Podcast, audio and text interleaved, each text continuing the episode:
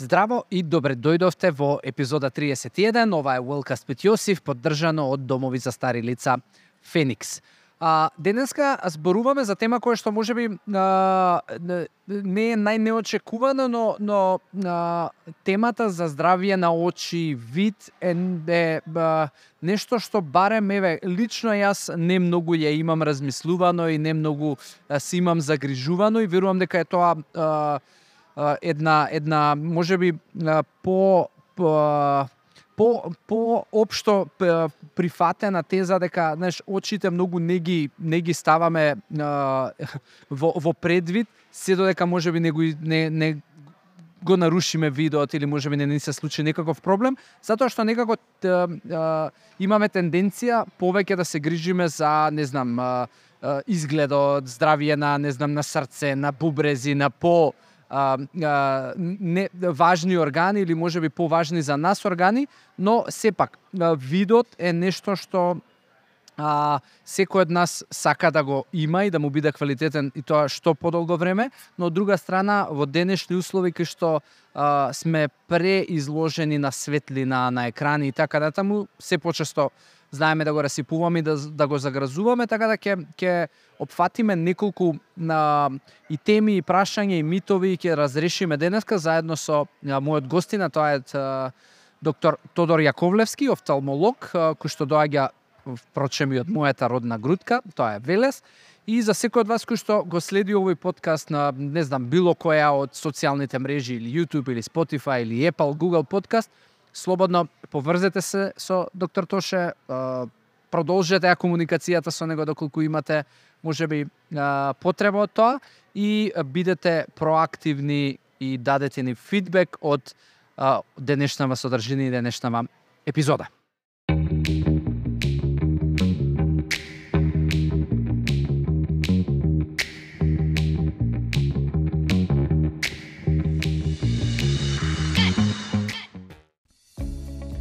Откритеа топлината и грижата во дневниот центар на Феникс домовите за стари лица. Придружете се на целосно бесплатен еднонеделен пробен период, каде што вашите најблиски ќе можат да уживаат во активности, грижа и енергична заедница секој работен ден. Од прва рака искусете ја радоста и удобноста што ги обезбедува овој тим од професионалци. Кликнете на линкот за да се регистрирате или јавете се уште денес за да ја почувствувате разликата што ја прават.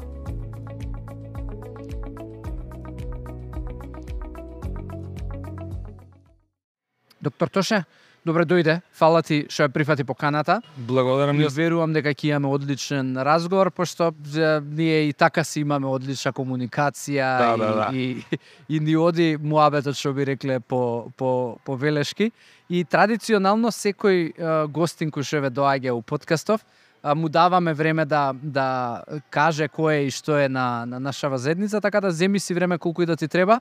И еве каже ни кој е а, доктор Тоше или Тодор, како сакаш, не знам да те... Се исто ми е, да. да ја, не, Тоше ми е пократко и Тоше по, пократко, по природно да, ние се за мене. Така, така да. да. Така да земи си време и еве кажи ни кој е доктор Тоше, што прави, зошто го прави, каде може да те најдат луѓето и па, да и што можеш да им помогнеш? Па да, е, вака јас сум Тодор Јаковлевски, јас сум специјалист по офталмологија, значи специјалист по очни болести. Работам во јавна здравствена установа Обшта болница Велес и го водам одделот за офталмологија, каде што работам диагностика, но работам и хирушки мали интервенции mm -hmm. на окото, така да мојата област на работа ја представуваат очните болести, патологијата на очните болести, но се занимавам и со превентива, така мислам дека денеска темата е дел од превентива и секоја превентива води до спречување на лечење, значи подобро да се спречи отколку да се лечи. Така да денеска мислам дека на таа тема ќе дадеме еден акцент. Друго не би се представувало посебно бидејќи од интерес за вашите гледачи би било татко, мојата тоа. тоа да, татко а, на две деца малолетни, сопруг и така да. Тоа Супер. е мојот приватен живот. А, Тоше, а, кога почнав да ја најавувам епизодава, а, и знаеш и, и кажав дека знаеш луѓето можеби не се оптеретуваме толку со со здравје на очи, но но како тоа почнам да го кажувам, си велам оке, можеби тоа важи за мене затоа што јас можеби немам проблем с да носам диоптер или знаеш, или да имам некаков а, ете, и- изразен проблем, Проблем, со очи, но да. тоа не значи дека не е дека не, не, не е и така како луѓе а, посетуваат очен очен лекар. А, но убаво ти кажа дека ќе зборуваме за превентива и може би денес еве ќе ќе помогнеме на луѓе кои што а, кои што ќе ќе одложат појавување на на на очен лекар. Е сега а, ќе почнеме од кога зборуваме за превентива, превентивата секогаш значи на долг крок ти што ќе правиш и што ќе акумулираш како навики а, и, и нели секојдневие и лајфстайл и слично. И а, навиките почуваат од од кога сме деца. Да, И она што е моја, да ја кажам, не траума од детство, ама нешто што многу често ни се зборувало како деца од нашите родители е тргни се од екранот, не оди толку близу до екранот, ќе ти се расипат очите и така натаму. Дали во тоа има вистина? И дали, еве, децата кои што се премногу изложени на екрани, а, имаат ризик за, за проблеми со, со видот и со очите, и дали може би тоа важело само во наше време кога екраните биле може би поразлични и понесовремени од денешните или нема врска. Јас би рекол дека тука нема врска дали екраните биле во тоа или во денешно време. Проблемот е а, гледање на екран на близина и тој проблем а, дали ке возрастен човек, дали ке дете, секако дека доведува до одреден очен дискомфорт кој што може да се развие во доста и посериозни очни проблеми. А би сакал да направиме една дистинкција во смисол на тоа дека кога зборуваме за децата и општо правило во медицината е дека детето не го дефинираме како мал човек. Значи детскиот организам станува збор за еден посебен идентитет кај што а, сосема поинако функционира. Растот е основна а, карактеристика на детскиот организам. Учително на тоа, ние треба да пристапуваме на тој начин кон децата. Е сега, детето е исто изложено на ризик при гледање во екран на близина. Зборуваме за користење на компјутери, таблети, смартфони. И потенцирано е тоа бидејќи децата се во фаза на раст и освен тој на пример синдром на суво кој што би го образложиле понатаму кој што се јавува и кај возрастни и кај деца при долго седење на компјутер, а, се јавува исто така очен замор, а, дигитален замор кој што е резултат на напрегање на интраокуларните и екстраокуларните очни мускули, но кај децата може да се потенцира и појава на кратковидост, односно доколку и постои кратковидост, таа кратковидост да а, се доведе до прогресија при долготрајно седење пред екран на близина. Значи проблемот е близината. Не Да. е проблемот што може би гледаш ти долго време телевизија. Или- или било каква содржина, Да, да. сега. сега ќе ќе ти објаснам вака накратко и пластично зошто е проблемот близината. Значи кога гледаме во екран, а, ние гледаме на далечина на телевизијата и тука не се активираат тие фактори на акомодација на окото, бидејќи секоја гледање на близина, зборуваме за близина од 35-40 сантима, Учително и читање книга, телефон, реков и други дигитални уреди на близина со екран, тогаш се активира тој а, процес, односно механизам на акомодација и конвергенција. Тие механизми ствараат напор на очните мускули и тој напор не се јавува кога гледаме екран на далеко. А кога гледаме на близко, тој напор е потенциран бидејќи овие два механизми се активирани. Потоа, кога гледаме на близина во екран, а, рефлексно, несвесно, а, ние го намалуваме, ја намалуваме фреквенцијата на трепкање. Бидејќи трепкањето е еден механизам кој што доведува и ствара да очите се подобро навлажнуваат предниот сегмент на окото биде повеќе а, лубрикантен, лубрициран, а, подмачкан, да речам, и има едни, а, да речем, податоци кои што се реални и се испитувани дека нормален а, вид, вид а, нормално око во секојдневието трепкаме ние по 18 до 22 пати во минута. Арно ама кога се фокусираме на близина и кога се активирани овие а, механизми за гледање на близина, фокусот а, несвесно ние го намалуваме трепкањето на негдека 3 до 7 пати. Кога тоа ќе се деси, а, бидејќи поредко трепкаме, самиот, а, самите солзи повеќе испаруваат. А, кога испаруваат солзите, доведува до рефлексно лачење на нови солзи, кои што може да се излачат во ексцесивна поголема доза, тие солзи може да бидат понеквалитетни и така да тука се ствараат а, заматување на видот и се ствара еден маѓепсан круг кој што доведува до еден ентитет кој што е веќе и клинички ентитет во офталмологијата, тоа е така наречен компјутер вижен синдром или еве со други зборови ако го кажеме модерна да болест, и да? со други зборови ако го кажеме дигитален замор или синдром на суво око кој што се јавува како резултат на а, користење на електронски уреди со екрани на близина.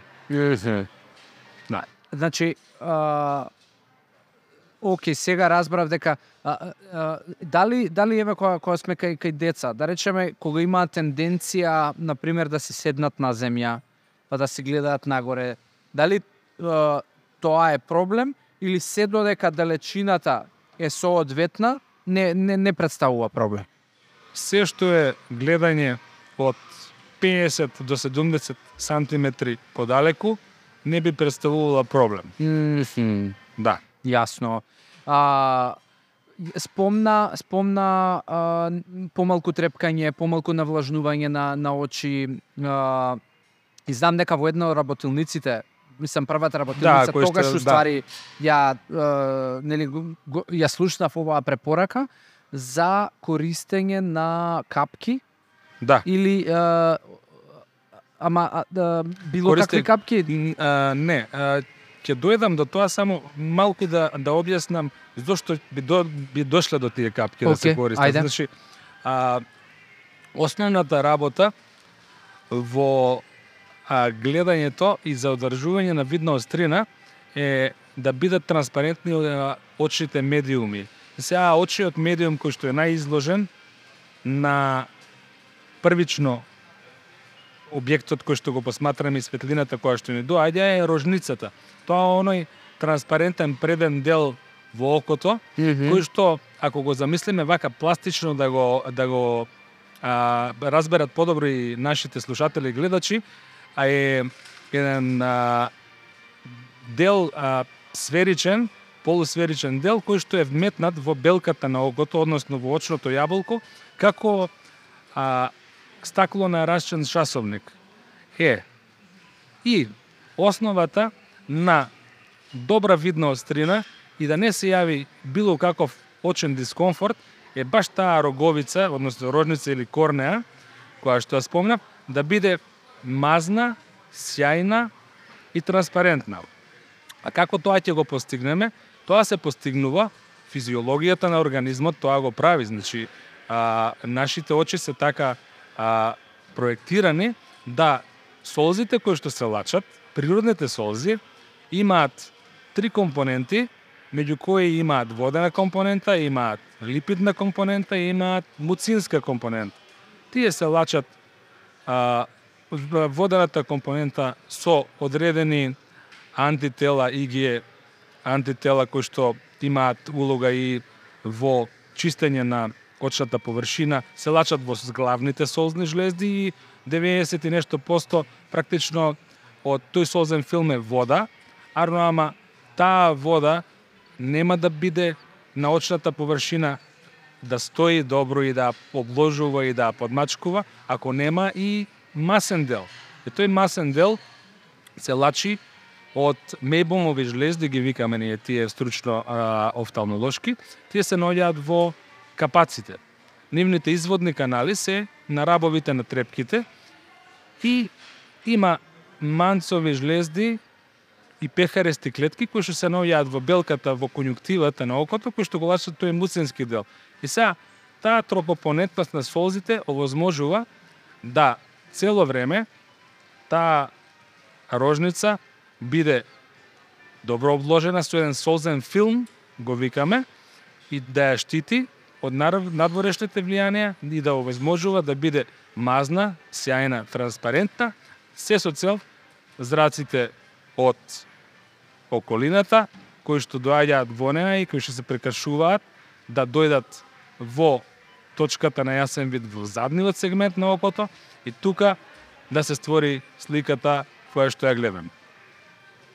Можно ли е да, да ти се потрошат солзи, да се преплачеш и да да се преплачеш не би рекол дека може, а, но а, делот а, сега да го да го вратам а, ова што предходно го спомна за а, користењето па на на доместок на солзи, а зошто ни е потребен на доместок на солзи? Сам зборуваме така пошто ја спомнав капки. Капки, То, е, да, значи да. не зборуваме за било какви капки. Не зборуваме за било за, капки, за, ка- какви капки, солзи. оти кога се мисли за капки за очи, некогаш и колоквијално луѓето ќе речат капки за очи, па сега некои капки за очи, ама има многу разни капки за очи. Зборуваме конкретно за користење на капки за очи кои што се така наречени вештачки солзи. А, производството на вештачки солзи е во современото во современава фармација доста експлоатирано, доста се користат и се препорачуваат. И ги има разноразни во продажба, во основа вештачките солзи содржат лубрикантни материи и нивните формули се прават а, на некој начин а, да ги емитираат природните солзи и да ги надоместат природните солзи а, со субслементи кои што ги субстанции кои што ги содржат се најчесто натриум хилуронат, содржат може хипромелоза да содржат, поливинет алкохол. А, индивидуално е кај кого како делува, мислам дека капките кои што содржат натриум хилуронат се а, доста м, користени и имаат добри резултати. И сега, кога и зошто да ги користиме Да, тие а, солзи? Дали, мислам, и дали и која е безбедноста, на пример, еве човек и дали на, на дневна основа, на долг рок може да ги користи, без разлика дали, еве, пошто види, многу луѓе многу често седат пред компјутер и 8 сати минимум седат пред компјутер и од блиску и ова нели овој вижен синдром е новина, Да, нешто што новина е, последниве да, да, да, да, години се случува баш поради тоа. И дали една таква личност треба да си ги има редовно во секојдневие на долг рок а, вештачките солзи и дали постојат ризици, може би така да кажеш, оке, после три месеци прекини ги, одмори ги или или не постои таков ризик. Ризик не постои, ама тој компјутер вижен синдром кој што е рече во последниве децени е доста експлоатиран и во нашите стручни а, дискусии, симпозиуми, конгреси, доста често има тема на тоа а, синдром на суво око, предизвикано од користење на екрани и тој компјутер вижен синдром. Е сега што представува компјутер вижен синдром? А, тоа е збир на симптоми кои што се јавуваат како резултат на долготрајно користење на дигитални уреди со екран на близина. А, тоа долготрајно би подразбирало прогресивно колку подолго време го користиме, толку повеќе има шанси да се појави овој компјутер вижен синдром. Има некои студии кои што покажуваат дека повеќе од 2 часа континуирано седење пред екран може да појават пациентите симптоми на компјутер вижен синдром. Но кои се симптомите? Значи е синдром во, во, во медицината представува збир на симптоми. Симптомите се најчесто а, би ги набројал ваки би, ги, би, го, би, би го симплифицирал тој компјутер вижен синдром со симптоми на а, црвенило на окото, Потоа а, очен дискомфорт во смисол на појава на а, пецкање, м, појава на чувство на страно тело во окос. Значи, како да имаме песок во очите, го опишуваат тоа пациентите. И кога ќе се јават овие иритативни симптоми, потоа, како што и предходно спомнав, може да се јави рефлексно просолзување и екстра количини на а, солзи, кои што доведуваат до заматен вид. Заматениот вид не се должи само на воа а, екстремно просолдување, тој се должи и на замор на очната мускулатура. Значи, црвенило, чувство на страна тело во окото, заматен вид, може да се јави како посериозен симптом, симптом и фотофобија. Тоа подразбира а, фобија значи страв, ама страв поголема од а, обично, е сега тие пациенти кои што имаат фотофобија, имаат а, изразита чувствителност на светлина, дури болност при гледање во светлина. И како пети симптом би, би ги кажал и главоболките, кои што се исто така честа а, патологија кај во склоп на компјутер вижен синдромот и без разлика во кој дел од главата се лоцирани, можат да бидат причинети од а, очниот дигитален замор. Mm -hmm. И, и кој е чарето, на пример, што што може човек да прави во секојдневието за да да да ги намали овие симптоми и евентуално нели подоцна не знам дали подоцна постојат дали гледањето ама постојат еве ти го спомна тоа така ако јас имам гледање во од близина на дол крок најверојатно и, и ќе стигнам до диоптер и до Па шансите се зголемуваат. Не би рекол дека има а, апсолутна, ама генетиката е пред се тука Аха. за диоптерот, ама шансите се зголемуваат право пропорционално. Колку подолго седиме пред екран, толку повеќе се шансите да се добие компјутер вижен синдром или да се потенцира одредена рефракциона аномалија, посебно миопија. А кои се работите кои што можеме ние да ги направиме, бидејќи јас разбирам Јосиф и тоа е и а, современото живење. Сите ние сме оптеретени да, со ете го телефонот, значи забава преку телефон. Само една мала дигресија би направил за да воведеме во ова што ќе го кажам сега. А докажано е во USA студија дека 50% од популацијата која што користи а, мобилни телефони, односно електронски уреди со екрани на близина, страдаат во некоја форма поблага или посериозна на компјутер вижен синдром. А, во време на COVID пандемијата а, таа бројка, таа инциденца и тој процент се зголемил на 78%. Рачунајте а, која е таа разлика. И сега тука не мораме да бидеме нешто по многу паметни за да сватиме зошто е тоа така. Во време на пандемијата на ковид се користеа многу а, дигитални уреди, со... сраснавме со телефоните, децата а, ни учеа онлайн, а, социализацијата не беше пред компјутери и телефони, така да тоа е доказ дека а, долготрајното седење пред компјутери пред а, екран на близина доведува до симптоми на компјутер вижен синдром. Нешто што можеме да направиме, освен тие а, работи кои што ви кажав да користиме, ние почнавме еве со тоа вештачки солзи. Вештачки се солзи се препорачливи 3 до 5 пати на ден да се користат со цел да се елиминира тоа сушење на очите кое што а, потоа ги го дава тој очен дискомфорт. Yes, Бидејќи тоа сушење не се јавува само заради намаленото трепкање. Тоа сушење на очната површина се јавува и заради тоа што ние а, кога работиме а, пред компјутер, на пример, работиме во а, околина која што е најчесто или климатизирана, или е а, со грејење, со централно грејење, затоплена. Така да тоа по, а, потенцира евапорација на солзите, испарувањето на солзите. И треба да се надоместат солзите со цел да го заштитиме окото за да не се суши очната површина и да не се, не се јавуваат овие симптоми. Значи, користење на вештачки солзи, препорачливо е вештачките солзи да бидат без конзерванси, ќе има такви во продажба, посебно да има да нема конзерванс кој што се нарекува безал, безалкониум хлорид, кој што е кератотоксичен, може да створи проблеми на самата рожница. И модерната а, фармакологија, фармација произведува такви вештачки солзи. Освен користење на вештачки солзи, а, секако дека одморот е, нели, нешто што не може да биде заменет.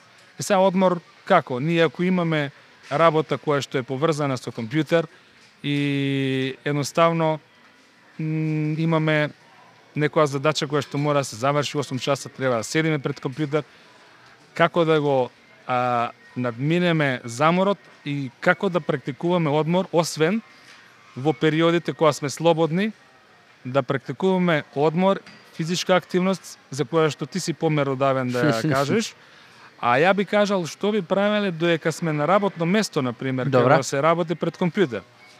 А како прво и основно треба да ја имаме една во главата една формула која што исто така американците ја измислиле и таа е за по добро да се памти формула на 3 20 че 20 20 20 и што подразбира тоа?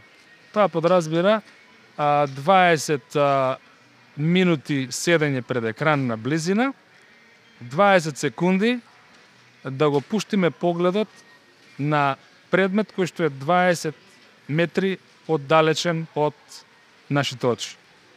Значи, 20 минути екран, 20 минути поглед во 20 далечина. секунди. 20, пардон, да. 20 секунди, да. 20 секунди. Добро, сега 20 метри не, 20 метри не е да фигуративно кажано, ама не во далечина, во далечина, да. да. Гледа во далечина, да.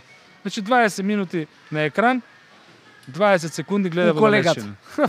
па колегата зависи кој на која близина. Или си на прозор гледа негде далеко. Да, или да. гледа во далечина. Да, па тоа е лесно затоа што не ни мора ти да станеш уствари од столица. Да, да можеме да... само да го ослободиме погледот на да. Да. Тука можеме да се најдеме во замка а, со дефокусирањето и не случајно тие та, е ставено тоа 320 бидејќи седиме на пример пред компјутер или пред екранот лаптоп и сега ајде да одмориме, па ќе го земеме телефонот. Тоа е нонсенс. Значи, дефокусирање од близина на близина нема сврка. Па и книга. Па и книга не би било препорачливо. Значи, пуштите го погледот, гледај во далечина. А, докторе, кога телефонот има една опција и сега модерно нели сите го правиме тоа навечер, плава светлина да да се исклучи од телефонот. А, што е ш, каде е проблемот со со плавава светлина и дали тој blue light filter придонесува нешто или можеби е само некој пласебо момент? Што се што се случува со плавата светлина што е озогласена? Плавата светлина е озогласена заради а, можното дејство на задниот сегмент на окото. А, ја спомнав таа макула лутеа кај што се одвиваат процесите на гледање, всушност кај што се прима сликата Аха. во окото, тоа е задниот сегмент на окото. Сега зборувавме досега за предниот сегмент и роговицата и созниот филм, ама таа за макула лутеа е вулнерабилна, осетлива на плава светлина, а осетлива е и на ултравиолетово зрачење од нели сонцето. Сонце, okay. Со оглед на тоа дека нели и Македонија има доста сончеви денови, а и ба, плавата, односно ултравиолетово зрачење се јавува и во период и кога нема сонце надвор. Точно, значи, присутно. Таа да, присутно е. Секако. Знаеме, секаде е присутно, бидејќи а, тоа е ладно зрачење, значи тие се ладни зраци. А во надворешна средина препорачливо е носење на наочари нели со UV филтер за да се заштити очото дно од Значи има логика зашто UV зраците, зашто а во внатрешна средина blue light филтер за да се заштити од екранот, односно од плавата светлина од екраните. И дали тоа, знаеш, затоа што еве мене лично с, подесувањето на телефонов ми е во 8 часот по автоматизам да се исклучи blue light.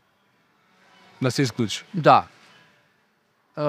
И ми се ми се ма, ја, ја дали менува може би бојата. чувствуваш нешто Не, ја не дека- чувствувам туку знаеш тоа го има како опции, како нели покомфорно за окото, па треба плюс да нели да се спремаш за спиење, као нели плавата свет, светлина смета на мозокот за да му дава стимул, па по тешко ќе заспиеш и така натаму што Знаеш, ја не, не, не чувствувам проблеми затоа што немам немам проблем да заспиам, не фала му на Бога знаеш што сонот сум, Така, така, сум така, да. релативно Да, да. окей. Едино во денови кои што може се постресни или периоди од животот Не, како секој во човек, минатото тоа е кои што ми нормално, да. биле постресни. Сакам да кажам, знаеш, а, дали дали па ако веќе е толку корисно, зашто, знаеш, дали е добро преку цел ден ја уствари да да го тргнам. Јас мислам Да дека тргнам м- плавата мислам дека е добро преку цел ден да се користи и исто така кои седат долго пред екран Добра. пациенти треба да имаат максимално добро коригирана видна острина. Значи, ако треба да коригираат некоја рефракциона аномалија од типот на миопија, хиперметропија, презбиопија кај возрастните пациенти или астигматизам, тоа треба максимално да биде коригирано, а тоа е во област на офталмолог или оптометрист, да се дадат соодветни наочари и да се прегледа а, да се направи преглед на офталмолог. Тоа е услов. Е сега на тие диоптерски ноочари кои што би биле препорачани и јас би препорачал да се носат доколку се и за близина, пошто постојат ноочари кои што се за близина ке возрастни пациенти, младите пациенти ги носат ноочарите и за близина и за далечина, и минусот и астигматизмот се и за близина и за далечина, би било препорачливо да има blue light филтер на пластиките на тие наочари. Дали добро те разбрав? А, ако имам еве немам диоптер, немам проблем со со така со гледање. Да, Дали е добро да носам наочари со blue light филтер без диоптер? тоа го регулирате со екранот.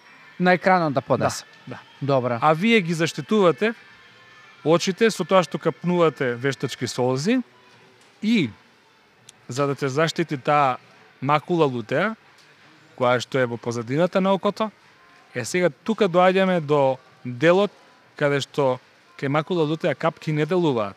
Таму треба здрава исхрана и суплементи во исхрана за да преме- превенираме а, болести кои што за разлика од овој компјутер вижен синдром колку и да е сега го зборуваме ние досаден, банален, смета во секојдневното живење и прави очен дискомфорт, ако се оштети макулата и ако се јави макуларна дегенерација, посебно после 50-та година, видот може да се изгуби неповратно. И Што значи да се изгуби видот? Да да се влоши да не може да се да се направи да се створи таа макуларна дегенерација која што а, потоа не можеме да ја коригираме со никаква диоптрија. Значи намалување на видната острина.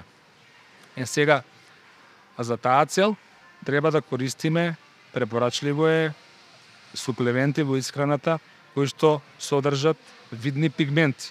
Бидејќи тие видни пигменти се составен дел на точката на јасен вид, таа макула лутеа и бидејќи таа е жолта и самиот збор кажува имаме пигмент кој што се вика лутеин и имаме зеаксантин. Тие се два каротиноиди кои што се најпознати и најпотребни. Имено и тие самите делуваат како филтер од плавата светлина, бидејќи знаете жолт филтер ја елиминира права, плавата светлина. Тоа е како опозит. А препорачливи дози на лутеин и зеаксантин за човек дневно е лутеин 10 мг, зеаксантин 2 мг. Лутеин и зеаксантин содржат овошјето зеленчукот, посебно зелјестиот зеле, зеленчук, зелка, а, келј, а, спанаќот, а, потоа боровинките исто така содржат доста лутеин и таа исхрана со овие продукти доведува до подобрување и превенција на очо, а, а, и одржување на очното здравје. Е сега, доколку со секојдневното живење ние не можеме да внесуваме толку а, како што е пропишано по FDA. Скапи се боривинките. па, па може и тоа да се каже, ама а, а рачунајте дека ние и не можеме количински некојаш да внесеме толку многу, тогаш препорачливи се суплементи реков исхрана во форма на таблети.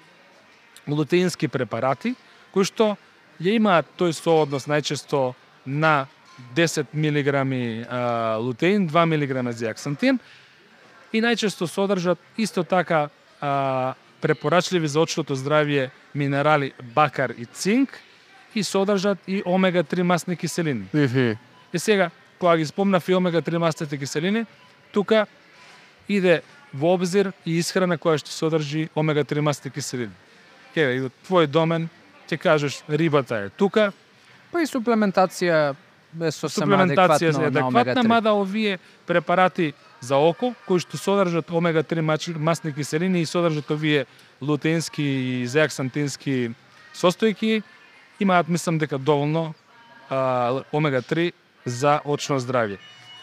Инаку, уште еден а, продукт е жолчката од јајцето. И самата жолчка има жолта боја и не знам, би било препорачливо да се користи.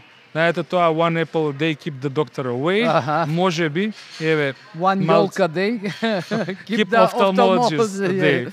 Да. А, така да, тоа е со суплементацијата во а, Добра. исхраната. А, е, докторе, а, кога зборуваме за работа пред екран, а, е навечер и еве ја порадно сум имал тенденција и многу луѓе имаат тенденција, знаеш некои луѓе им е подобро да да не знам, да работат навечер или пак ќе гледаат серија навечер. А, дали а, комплетно затемнета соба со екран е проблем? Јас мислам дека не е проблем комплетно за темната соба со ехран. Добра. Многу подобро, поголем проблем е а, доколку на самиот екран ако работиме на пример, што знам, Word документ или некој а, PowerPoint или било што, Добра. а текст да има доволен контраст и да го подесиме контрастот да има а, разлика диференцијација измеѓу измеѓу текстот и позадината. Тука е а, Тоа значи поголема, позадинава ми е пребела, а да биде а текстот, текстот црн. е црн. И обрат. Дури dark mode не е може би во некој а, знаете над две тука дали dark mode треба да се користи, ама dark mode па со бела текст би бил Пак е проблем. Пак е голем контраст. контрастот. Не, не е проблем, тоа е добро. Аха. Не, да, тоа е добро. Тоа е добро. Битно е да го направиме а, разликата да има текстот да се двои од по, позадината, а не се слева. Тоа не ги замара очите. Не разбирате, во тој смисол. Јасно, јасно. А, и читањето, на пример. Читањето апсолутно бара добра осветленост. На Бара- слаба бара- светлина, Не, не, не, не. Дури а, старите школи препорачува, нели, да светлината доаѓа од една на од лева страна, книгата да се држи на 45 сантима аха, пред себе. А, апсолутно читањето бара а, добра, добра м, светлина. И дифузна светлина, а само а, при читање тука нема нема одстапка, треба да има добра светлина, посебно а, секој а, и посебно на дечињата тоа да им се обрати внимание да имаат добра светлина. Е случајност, знаете, извини само и во а, училниците се нап, се прават тоа детерминирано и во учебниците за хигиена од медицина, каде што една просторија, а, школска просторија, треба да има соодветна а, парапет на джамовите, па да има доволно светлина да влегува, природна светлина, од која страна да доаѓа светлината и така, тука а, светлината е многу битна за читањето. И треба да има добра осветленост, за да а, имаме добро гледање и да не се јават било какви А дали симптоми. тука исто и за читањето важи тоа правило 20-20-20? Би го препорача. Да? Да. Добра. А која спомна светлина, што се случува кога о, од екранот ќе имам одблесок од прозор или од можеби вештачка светлина. Знаеш, мене тоа е, на пример, многу ме нервира кога гледам телевизија или, или серија нешто ќе пуштим и кога можеби е, некое позадинско светло или светло од прозор ќе ми се меша со екранот и ми прави ми прави Тоа тоа смета и мислам дека Не смета, ме нервира во смисла, нели, не можам убаво да гледам, ама дали смета на, на здравие на очи? сметам. Сметат тоа ако земеме должината на седење пред компјутер и користење на екран на близина, дополнително тие проблесоци од дали од прозор, дали од некоја светилка кој што рефлектира на самиот екран, ја а, зголемува сензитивноста на окото и дури може да јави ако окото има почетни симптоми на компјутер вижен синдром, може да јави директно проблесок на светлина рефлектирана од екранот, да јави фотофобија и после да ни се јави болност во очното јаболко. Така да а, треба да ги елиминираме тие работи за да направиме една средина кај што од екранот а не ни се рефлектираат ламби, прозорски светла и така натаму. Се, со ова фотофобијата што спомна, на пример, дали, е, дали е нормално наутро или така од темна просторија некој ќе ти запали светло, да те... Тоа е нормално. Тоа е нормално. Тоа така е нормално. не треба да се... Но не е нормално да се јави фотофобија кај седење пред екран подолго време и потоа таа фотофобија да биде болна и да трае подолго време. Тоа е веќе симптом. Ја зборуваме за фотофобија, не како нормална фотофобија која што се јавува која што го спомна ова сега. Да, ти, да, да. но фотофобија која што се јавува како резултат на компјутер вижен синдром, како резултат на дигиталниот замор. Јасно.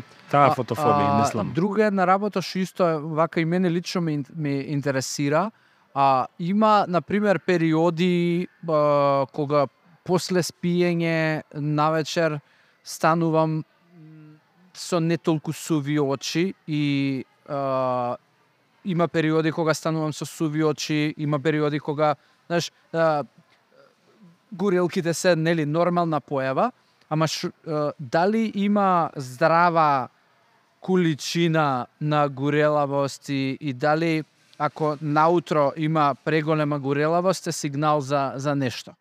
Е да, сега а, утринската залепеност на очните капаци, горелавост, оди во прилог на можна бактерија во окото. Аха, добра. Значи, самите горелки се солзи кои што се за за згуснуваат, Аха. ама заради некоја најчесто бактериска инфекција, може да биде и вирусна, може да биде и алергиска природа. Но најчесто бактериските инфекции даваат такво слепување и даваат секрет на очите. Тогаш би било препорачливо да пациентот земе бриз од око и офталмолог да му препорача а, капки, ама цеа двие капки ќе бидат антибиотски капки. А, така. Така. И тука си има правило антибиотски капки кај конјуктивитисите, тоа е веќе конјуктивитис, воспаление на конјуктивата на окото, а, со секрет, тогаш веќе антибиотските капки се даваат 7 до 10 дена во, во принцип а, и поминува тоа. За разлика од овие вештачките солзи кои што можеме хронично да ги користиме, реков, и можеме да ги користиме и на своја рака. А антибиотски капки пациентите не би требало да земаат без препорака од доктор. Вештачки солзи, да. Така да тука има разлика. Има. Да. Добра. А што се случува со а, еве, може би при промена на сезона најчесто пролет. Луѓе има со многу алергии или еве периодов забави, многу Да. често знае да се пуши внатре, се јавуваат иритации на очи и така натаму. Дали а, постои начин што е препорачлив човек да го или не знам или Како практикува, да. или соединение некој да го користи како капки или било што што може на своја рака да си го одлучи да го користи за да си е, олесни чувство на на иритација на на очи. Тука се враќаме па на овие веќе спомнати вештачки солзи, натриум хилорнат, хипромелоза, поливинил алкохол и така натаму има повеќе.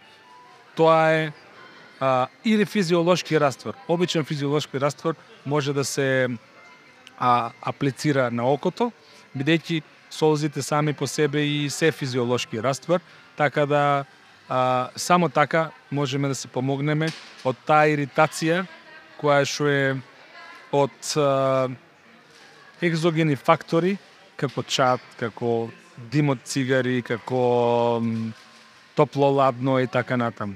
Значи, сепак пак се сведува тоа на овој дел, каде што го кажавме, на користењето на тие капки за очи, кои што се вештачки солзи. И мислам дека треба и друга работа да се потенцира, дека би апелирале да сега пациенти кои што подолго време користат а, и работата им е таква.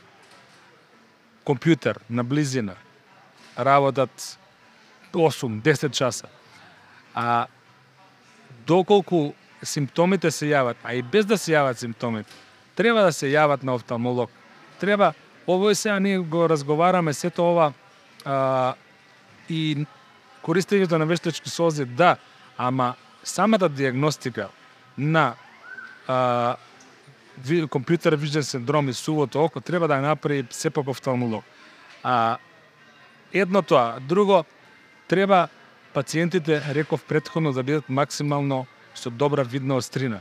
Треба да седнат пациентите на стеленови таблици кај офталмолог, знаете, оноа да ги видат тие бројчиња, па да испитам јас колку гледаат, дали гледаат. Ако не гледаат добро, и ги седнам исто на авторефрактометар да направам а, компјутерско оноа снимање на диоптријата. Да се коригира и диоптријата, да се ординираат и вештачки солзи соодветни. Тоа би било препорака за пациентите, барем иницијално да се направи еден преглед. Кај дечињата секако, ние нели сега и како држава имаме и а, благодарение на таа акција која да, што ја правевме. контрола. Да, а тоа беше благодарение на акцијата која што почна баш од кај нас, па од Велес, да. за скрининг на деца Со со со со Lions што ја работевме и драго ми ти што учествуваше во тоа и прегледавме илјадници деца и после тоа стана пракса и сега е задолжителен очен преглед. Сега си отвори Кај- работа ти Сега уствари. па, да. Обично Значи во отвори работа, се- ама, а, обично, да, не Ама дека мај, да, ама види па тоа е па непроценлива а, да речам а, не за ај да не речам задоволство, ама а, да откриеш на време, Да, да, голем придонесе да тоа. откриеш во- на време одредена аномалија, бидејќи па некои аномалии очни, како што е мрзливото око, сега Мгм. надлегуваме и во друг а, а, домен, ама еве само како пример, ако не се открие на време на 5-6 годишна возраст, а после и не може да се лечи тоа до 7-8 години додека постои пластицитетот на мозокот, бидејќи ние гледаме со очите, ама сликата се ствара во мозокот, може целото а, а, да не биде после тоа а, узалудна трудењето за да се по, да, до, добие добра видна острина со било какви ночери, значи навремено откривање и тоа го направивме ние. Одевме по градинките, нели прегледувавме дечиња со авторефрактометар кој што беше мобилен и се открива аномалии, навреме се дава совети за вежби, за поклузија на очи, за да се разработи тоа мрзливо око до 7-8 години, додека мозокот може да го прифати тоа око да го разработи. После тоа, доколку остане мрзливо око, тука веќе кај адултна особа, кај возрастна особа, не може да се постигне видна острива. Тоа ми беше вака еден апел до а, гледачите и до слушателите. А, Тошка, уште, а, уште, еве, нешто што ми текна, затоа што физичка активност генерално ја, ја спомнувам во секој од, од епизодиве. И, и нели, с- мислам свесни сме дека е добра, да, да е присутна у, у сечи живот, но од аспект на еве на здравие на очи, дали, знаеш, затоа што кога човек е физички активен, особено нели кога може би има а, кога ракува поголеми тежини и така натаму има големо напрегање. И многу често секој од нас кога се напрега на физичка активност, па и дома кога се напрега у Може да изнуши има капилар напрегање да на, да. на, на очи. Дали постои а, одреден ризик во еве во изведба на на физичка активност што може да да направи некаков а, ризик за за окото. Да. А, Сега сигурно тоа е постои- екстремно, Постои, но дали има да Да. речеме од, од, одредени типови на да, не знам, човек да да има одредена диагноза или проблем веќе со вид, со здравје на очи кај што треба да повнимава со со на- напрегањата. да, да, да. Може би за тоа ќе ни треба друг подкаст, Аха. бидејќи темата е поширока тука. Ама да, екстремната физичка активност, посебно дигањето на терет, е пациенти кои што се оперирани со катаракта и кои што имаат интраокуларна леќа вградено, а, се препорачува да биде на минимум. На пациентите им советуваме на, да не креваат тежина, бидејќи а, тој напор а, може да доведе до одлепување на очата ретина во задниот сегмент на окото, кое што е сериозна компликација. Аха. А друга работа, доколку некој пациент и помлад, кој што не е опериран, се изложи на екстремна а, физичка активност и кревање на голема тежина, може и спонтано, односно предизвикано од овој напора, да има некоја слабост на самата ретина, тие ги викам ние регматогена а, аблација, каде што има одредени слаби точки, кога ќе се јави тој напор а, да пукне тој дел и да се исто така одлепи ретината. Е сега тие се а, симптомите се нагло губење на видната острина и на пациентот му се ствара како перде пред окото, ама тоа е исклучително ретко. Јес. А почести а, симптоми е, например, очната суфузија. која имаме голем физички напор, може да се јави пукање на површински капилар и белката на окото може да се зацрвени, така да може да се јави и целосно црвенило на белката, кое што делува доста драматично. И, например, ти можеш и да не го сетиш тоа, дека ти А пукнал некој капилар, да рече а некој да рече, аха, да, Јосиф, Око што не работава со тебе, около ти е доста црвено и се прави паника што, нели, тој но ти немаш симптоми, гледаш добро и тоа поминува. Со витамин С, со и спонтано поминува таа суфузија. Тоа е капиларно крварење. Тоа Јас. е, да речам, најмала а, најбенигна компликација од ова што го кажуваш, од екстремни физички напори, а другата компликација е сериозна и таа веќе а, бара поголема елаборација, ама ова што ви го кажав, мислам дека е доволно. Доволно е. Супер, фала ти. А, и уште една работа, а, за секое нешто постојат препораки, нели, за а, јави се на, не знам, направи лабораторија на толку време, направи а, оди на заболекар, провери си ги забите на толку време. Што се случува со очите? Која е препорачаната, да кажам, препорачаниот временски интервал на кој што ја треба да правам преглед на очи. Ја лично не правам. Е, па вака се, а, за дечињата веќе и државата детерминира обавезен преглед пред упис во школа. Добра. Јас би препорачал може би и не дека на 5 години, кога детето ќе може да соработува, да го донесат родителите на преглед. А, децата во адолесценција, во раст, исто така треба да направат офталмолошки преглед, носат. ама на систематскиот преглед која не носат, таму па алармираат а, општите доктори или училишните Јасно. доктори, доколку приметат нешто одстапување во видната острина, го праќаат детето на офталмолог. А, спомнав пациенти кои што односно луѓе кои што работат подолго време со дигитални уреди, што имено беше и тема на денешната Така емисија, значи кои што се изложени на а, дигитален замор, иницијално да направат преглед кај офталмолог и сега врз основ на наодот офталмологот ќе детерминира фреквенцијата на прегледи.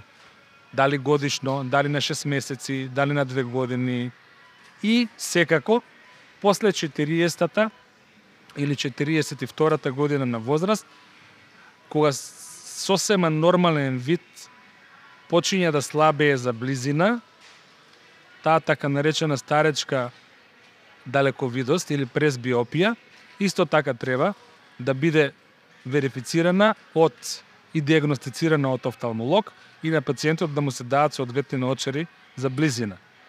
А друг момент е дека и исто така после 40-та година возраст треба и да се измери и очен притисок, кој што е тивокубиес на видот, очниот притисок, тој не боли и е сериозно очно заболување, ама за тоа би можеле многу да зборуваме, ама еве пациентите после 40 година да се јават на офталмолог и за одредување на наочари за близина и за мерење на очен притисок.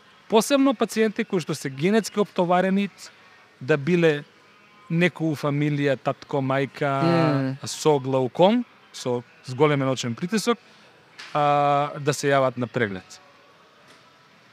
Тоа е така и, и после тоа офталмологот одредува фреквенција на тоа колку време би требало да се јавуваат на очни Е, прегледи. не знам дали бев летов у, у, Тајван и така не да. носеа во Тајван Research Institute.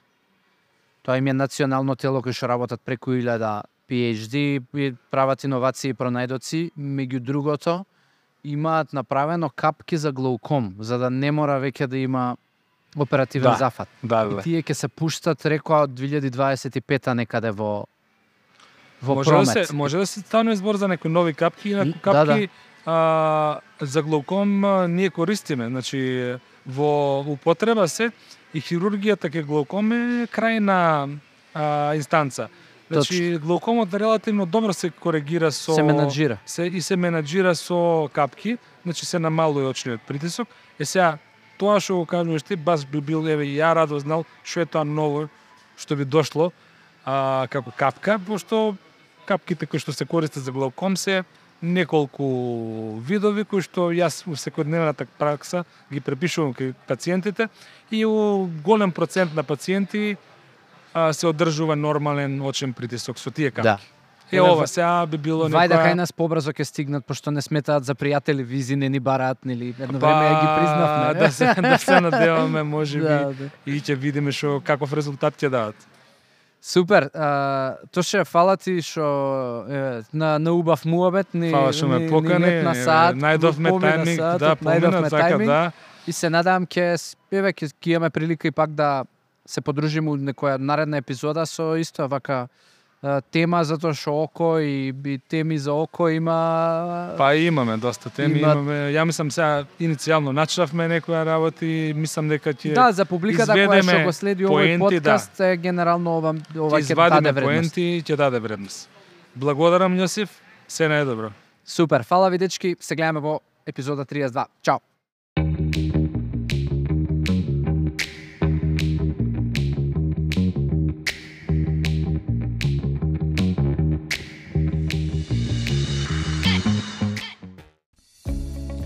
Откритеа топлината и грижата во дневниот центар на Феникс домовите за стари лица. Придружете се на целосно бесплатен еднонеделен пробен период, каде што вашите најблиски ќе можат да уживаат во активности, грижа и енергична заедница секој работен ден. Од прва рака искусете ја радоста и удобноста што ги обезбедува овој тим од професионалци.